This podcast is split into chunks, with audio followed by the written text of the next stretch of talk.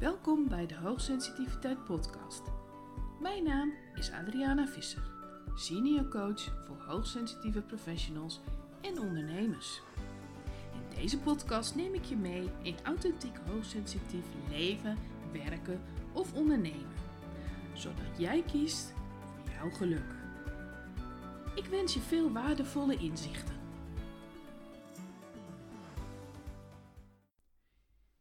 Vorige aflevering heb ik het gehad over dat deel in jou wat we het innerlijke kind noemen. Een innerlijk kind is een begrip dat de laatste jaren ook steeds meer zichtbaar wordt in de media. Innerlijk kind is een voorbeeld van een oerbeeld, een archetype. En dat is iets wat we allemaal kennen. Kan ook de innerlijke vader, innerlijke moeder zijn. Maar we mogen ook zelf onze delen benoemen. Het gaat erom dat je het een naam geeft die bij jou resoneert. Die ervoor zorgt dat jij ermee in contact kunt komen. Als ik het heb over de harde werken bijvoorbeeld, dan is het soms even lastig om te bepalen, hebben we hier alleen over harde werken? Of zit er een innerlijke criticus bij? Dan al is er een pleaser, een perfectionist?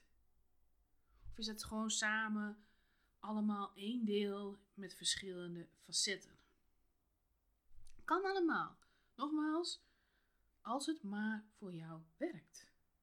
Als je maar het zelfleiderschap neemt en bekijkt, wat triggert mij hierin? Waarom reageert dit deel? Waarom wordt dit deel zo groot of het andere juist zo klein? En wil ik dit nog langer? Of wil ik een andere verhouding, een andere balans tussen die delen? Als je er bewust van wordt dat ze bestaan, dat ze je willen helpen, maar dat jij degene bent die bepaalt welk deel meer invloed krijgt, welk minder. Dat kan ook in een fase verschillen. Dan heb jij de regie weer terug. Ik had het zo net al even over de harde werken. Je kent de harde werken wel. Ik denk dat we allemaal in onszelf een harde werker hebben. Het is ook gewoon fijn om resultaat te zien. Je hebt een doel, je wilt iets bereiken, je gaat ervoor. En dan ben je blij met het resultaat. Daar is niets mis mee. En men zal ook heel blij zijn met de harde werker. Ik zie heel veel mensen uit zorg, onderwijs, vrouwen met een leidinggevende functie. voor alle duidelijkheid, er komen ook mannen in mijn praktijk, maar die energie is een beetje anders. En in de zorg moet je hard werken. Want er zijn vaak te weinig mensen. En je werkt met mensen. Daarom heb je voor het beroep gekozen. Dus je zit constant in die tweestrijd van, ja, eigenlijk zijn we onderbezet, maar we hebben ook met mensen te maken. Dus zie ik toch vaak weer de keuze, nou ja, dan moet ik maar wat harder werken. Die mensen zijn voor mij het belangrijkste. Of in het onderwijs, dan zie ik bijvoorbeeld iemand valt uit of meerdere mensen vallen uit, zijn thuis. En in plaats van dat er een vacature uitgezet wordt, wordt er heel vaak verwacht dat het onderling wel even opgelost wordt, dat die uren verdeeld worden. Oh, dus daar ook hard werken. Of je studenten heb je geen tijd meer voor, want ja, daar zijn geen uren voor ingeroosterd. Je wordt er ook niet voor betaald. Maar ja, iemand zal ze toch moeten begeleiden. Ga je ook weer hard aan het werk. Dus dat wordt gewaardeerd. Alleen zitten er natuurlijk wel grenzen aan. En als ik het heb over vrouwen in een leidinggevende functie, dan zie ik toch vaak het verschil met de mannen in een leidinggevende functie die ik coach. Dat vrouwen het gevoel hebben dat ze nog een schepje erbovenop moeten doen. Want vaak is het toch nog best een mannenwereld en hebben ze het idee dat ze zich daarin moeten bewijzen, dan al ontzettend moeten aanpassen.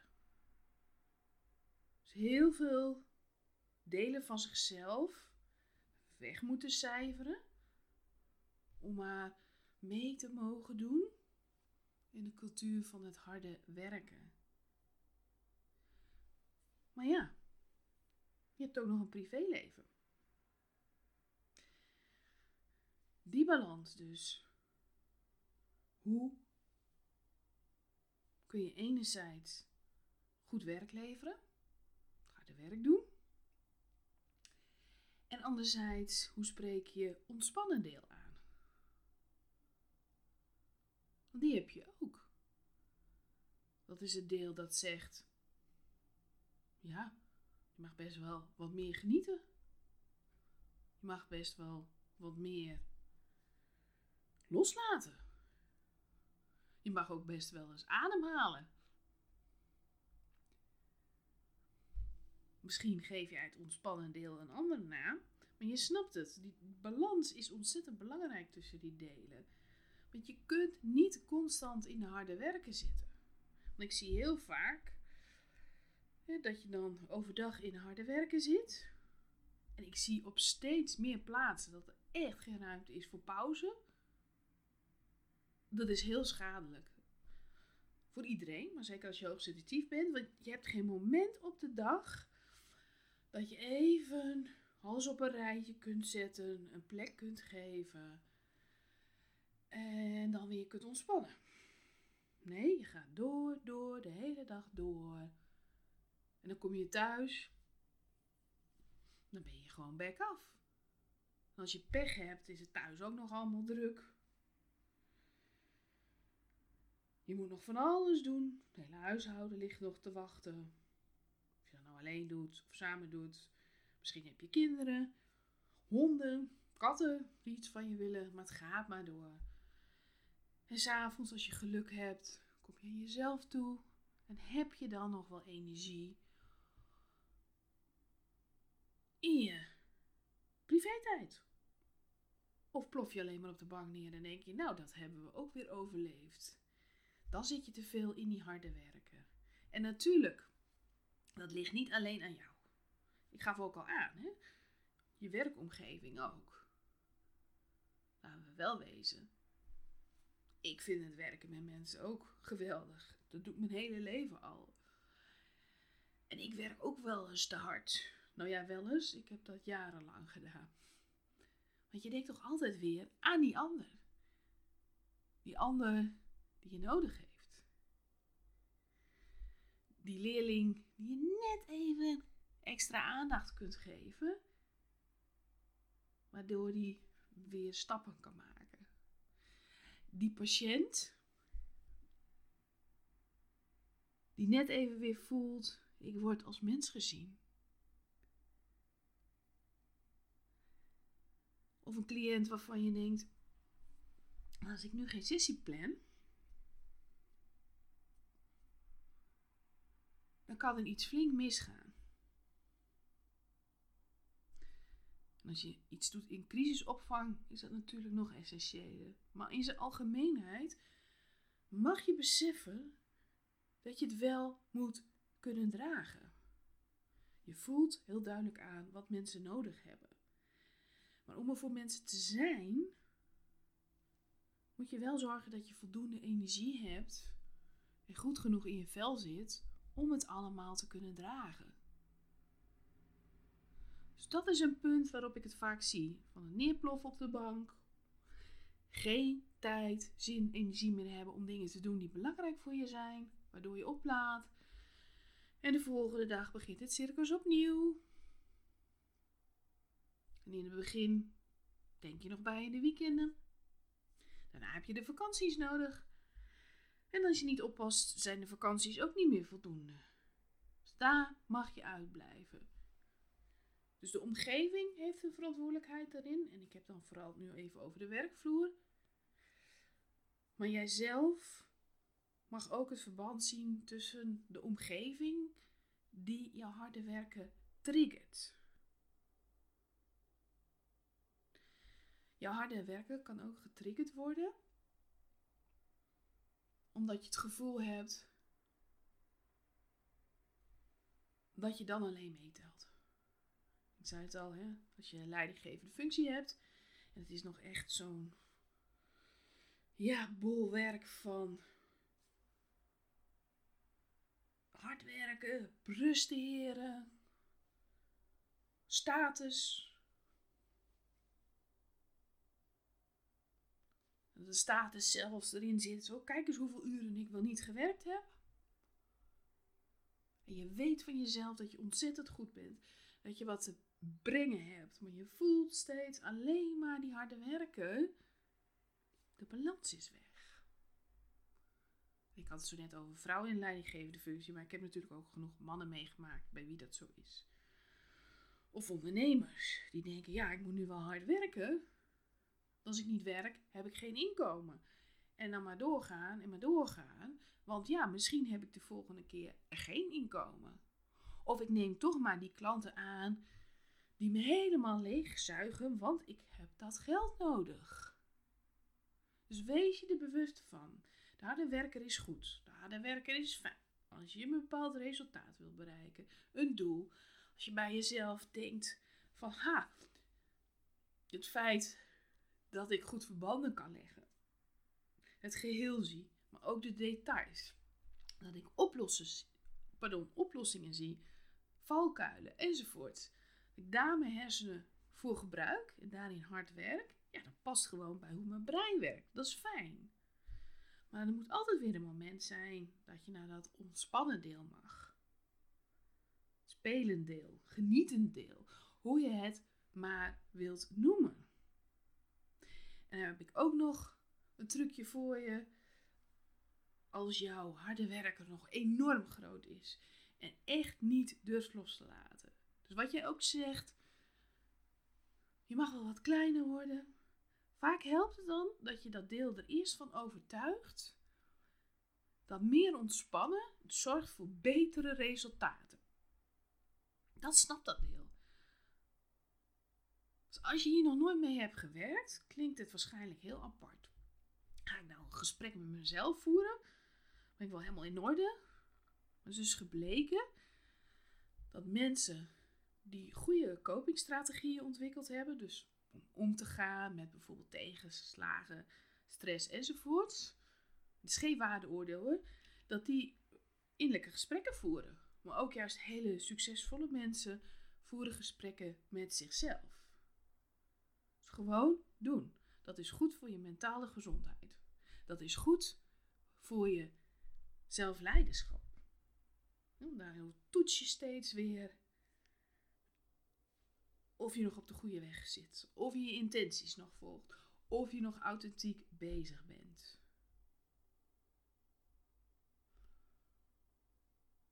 Je bewust van zijn.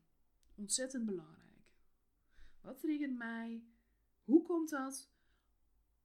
Wat heb ik nodig? Dit deel, dat deel. Mag het ene groter worden, het andere kleiner. En besef ook, het is een proces. Ik zei al, die delen zijn niet voor niks groter geworden of kleiner. Dat verander je niet zomaar even. Sterker nog, wordt heel vaak gedacht: ja, als je er maar lang genoeg mee bezig bent, dan gaat het wel weg. Nee, want die delen horen bij je. Het gaat erom dat je het hanteerbaar maakt, dat je er weer invloed op hebt. We willen maar al te graag vaak dat iets verdwijnt, maar zo werkt dat niet gaat erom dat je ermee leert omgaan. Dat je zelf de leiding erover neemt. Kan ook zijn dat jouw harde werker eigenlijk een innerlijke criticus is. Nogmaals, het is mij om het even hoe je hem noemt. Als ik met jou werk, ga ik wel even samen kijken van, oké, is het meer het harde werken of is het meer de innerlijke criticus? Is dit één deel of moeten we met twee delen aan de slag gaan? Een innerlijke criticus is net als het innerlijke kind een begrip wat we best vaak al horen in de media. Daar zijn we vaak ook al wel bekend mee. Is er een deel in jou altijd commentaar heeft, dat altijd zegt: je doet het niet goed genoeg, je bent het niet waard. Ze zullen wel denken. Dat deel dat altijd bezig is je onderuit te halen. Als dat te groot is, als dat te veel plek inneemt, dan is de innerlijke criticus ook een deel om mee te werken. De innerlijke criticus kan ervoor zorgen dat je altijd bezig bent met jezelf. En niet op een aardige manier. Altijd heel veroordelend. En dan kan het helpen om een tijdje buiten jezelf te zetten. van oké, ik maak daar een beeld bij. Hoe ziet die innerlijke criticus eruit? Ik geef hem een naam.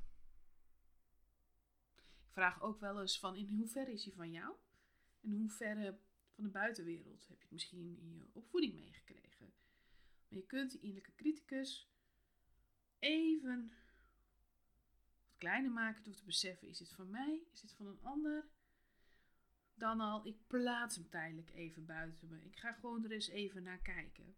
En vaak zie ik dan dat hij veel kleiner is dan gedacht wordt. Dus dat valt dan al mee. Voorafgaand aan het verhaal, besef ook, ook dit deel is er om je te helpen, om je te beschermen. Dus niet meteen van, ja, nou ja, ik ga jou buiten mezelf plaatsen, klaar. Of ja, hou jij maar eens even je mond, ga maar in de hoek staan. Nee. Je innerlijke criticus wil je waarschijnlijk beschermen tegen afkeuring. Dus daar mag je best wel respect voor hebben. Daar mag je best wel dankbaar voor zijn. Alleen moet innerlijke criticus nog leren van ja, maar als je het zo groot maakt, dan durf ik eigenlijk helemaal niks meer. Want ik denk bijvoorbeeld alleen maar, ze zullen wel denken, ik zal het wel niet goed genoeg doen. En voor je het weet, ga je steeds minder doen. Of steeds minder jezelf zijn. Dat je denkt, ja, ze keuren mij als persoon misschien ook wel af. Want ik ben wel een beetje anders dan gemiddeld.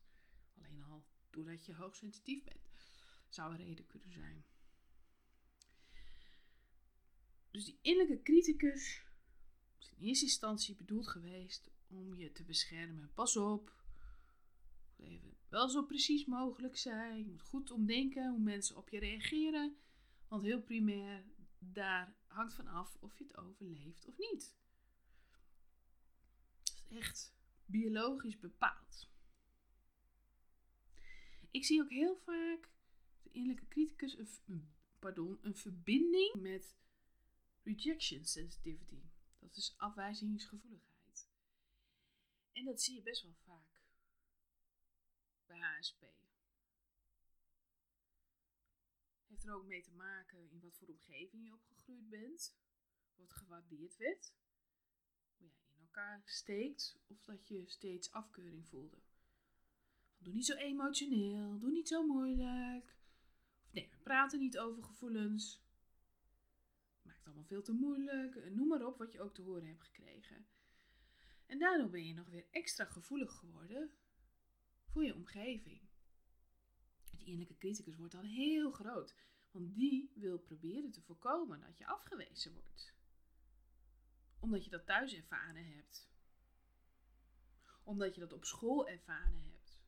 Dus dat deel is alleen maar bezig om je te beschermen. Maar dat is zo groot geworden dat het niet meer leefbaar is. En dan mag je daarmee aan de slag gaan. Dan mag je het kleiner maken. Ik zei al, er kan ook nog een verwantschap zijn met de pleaser, de perfectionist. Maar dat kunnen ook allemaal verschillende delen zijn. Daar wil ik in de volgende aflevering aandacht aan besteden.